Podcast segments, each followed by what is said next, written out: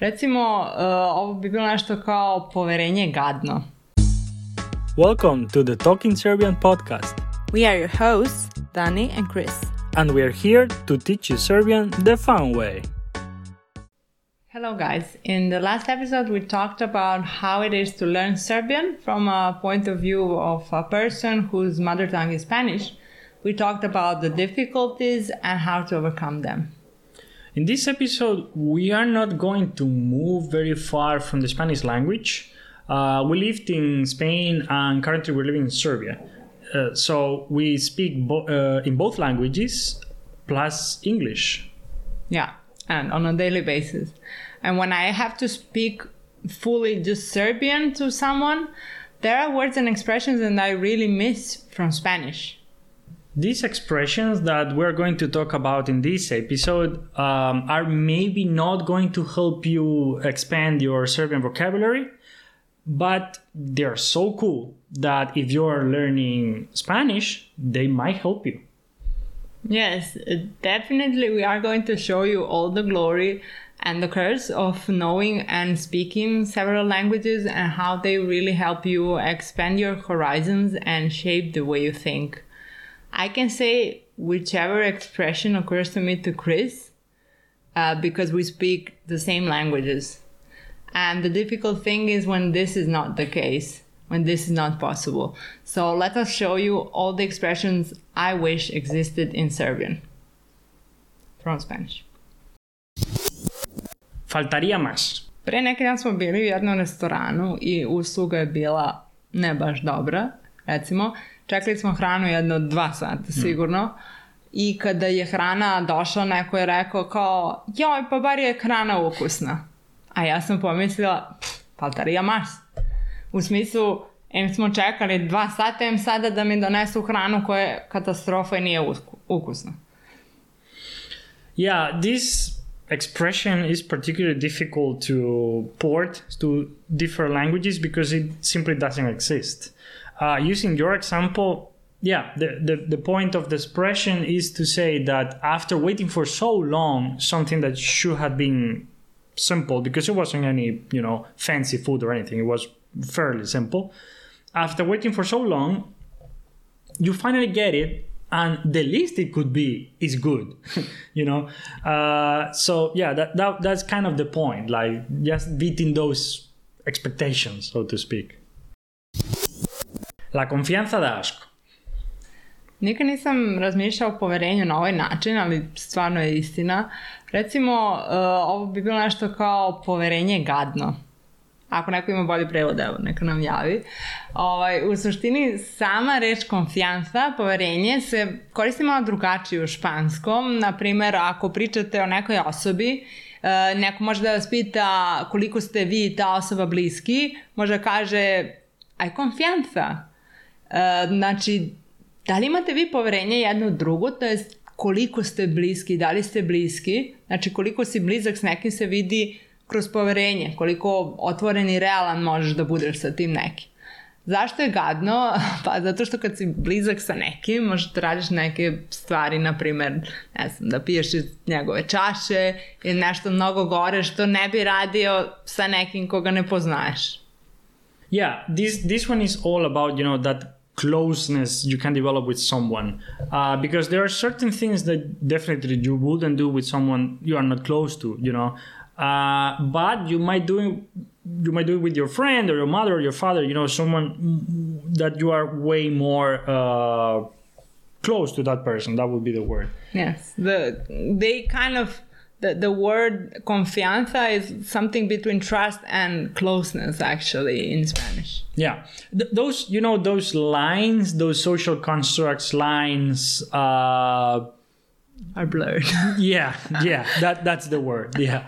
And then you i don't know my fart or burp in front of your best friend you know and you would laugh about it but you wouldn't do that definitely in front of you know somebody else. So Yeah, a confianza da asco. Más sabe el diablo por viejo que por diablo. E, sve sam se spremala neku čorbu sa zeljem i sve sam lepo odradila. Pratila sam mamin recept. Međutim, kada je došao na red da jedemo tu je čorbu, uh, videli smo da su u njoj neki crvići, eh, odvratno. E, ja sam se pitala kako je moguće da sam sve lepo uradila. Naravno, u tom trenutku sam uradila ono što je najlogičnije, pozvala sam mam. Ona me naravno preslišala, rekla je, pitala me šta sam uradila, kako sam uradila, šta sam kad dodala i tako to. Ja sam rekla da sam od začina dodala začin C i ne znam šta još. I ona mi kaže, ma sigurno su crvići bili u začinu C. Ako ti to dugo stoji, ako je otvoreno, sigurno je to. Ja sam pogledala začin C, vidim, nema ničeg. Prošlo je malo vremena, pogledam ja opet, ma vidim nešto se mrda. Oni su stvarno bili tu, ali se nije videlo zato što su nekako iste boje. Odvratno, again. ovaj, I u tom trenutku je Chris rekao Más sabe el diablo por viejo que por diablo. To jest, to bukvalno znači da đavo pre zna stvari zbog svojih godina, to je zbog svog iskustva, nego zato što je đavo. A u ovom smislu, ovaj, mi nismo imali pojma šta se desilo, odakle ti crvi. Moja majka koja je mnogo iskusnija kuvarica je znala odmah šta treba da proveri. This time is all about experience and the life experience you get from aging, basically. And I mean, it, by now it probably happened. It, it has happened to some of you uh, that you just lived certain things, you know, that a younger person uh, didn't. So you know either either what the out- outcome would be or what might happen, you know, because it probably happened to you before and you already have that life experience that you can only get through living, basically. Vísteme despacio, que tengo prisa. Ovog se setim uvek kada žurim, što je uvek. kada kasniš, moraš i da žuriš. Kada žuriš, obično praviš greške, mm. učiniš nešto zbog čega posle još više kasniš i još više žuriš, jel? Uh, može da se desi da nešto ispustiš, uh, polomiš, zaboraviš i tako dalje. I tako da je ovo definitivno izraz koji treba zapamtiti, a ono što uh, sam izraz znači bukvalno je obuci me polako zato što žurim. Meni je ovo genijalno. znači baš zato što žurim, uradi sve polako kako ne bi bilo mesta ni za kakve greške, kako bi sve bilo onako kako treba. This one is all about uh, taking your time to do things properly, especially when you are in a hurry. So you don't make those silly mistakes that end up uh, taking taking more time, taking more of your time, uh, and you will end up getting late to that appointment. You know, so yeah, it's it's an interesting. Uh, yeah, it's very straightforward actually. Hmm. Ser tikismikis. A, fora kod ovog izraza, to jest ove reči, je što kad ga izgovoriš, to tamo može da prođe kao srpska reč. A mislim da mi se nekad i desilo da sam e, nekome rekla, kad je trebalo da pričam srpski, na primer, ma, on je mnogo tikis-mikis, a onda su me ljudi gledali u fazonu, what? To jest, gledali su me belo, mi bismo rekli, gledate neko belo, kao što se dešava. Možda su kasnije shvatili iz konteksta, ja se nadam. Uglavnom, tikis mikis je uh, slično značaju neke sitniče osobe koje sve smeta, sve je neki problem, za sve pravi problem, sve nešto komplikovano, da sve ima neke zamerke, to su uglavnom neke banalne stvari. Neko ko uvijek mu smete neke nebitne stvari koje drugi ljudi ne bi uopšte obratili pažnju.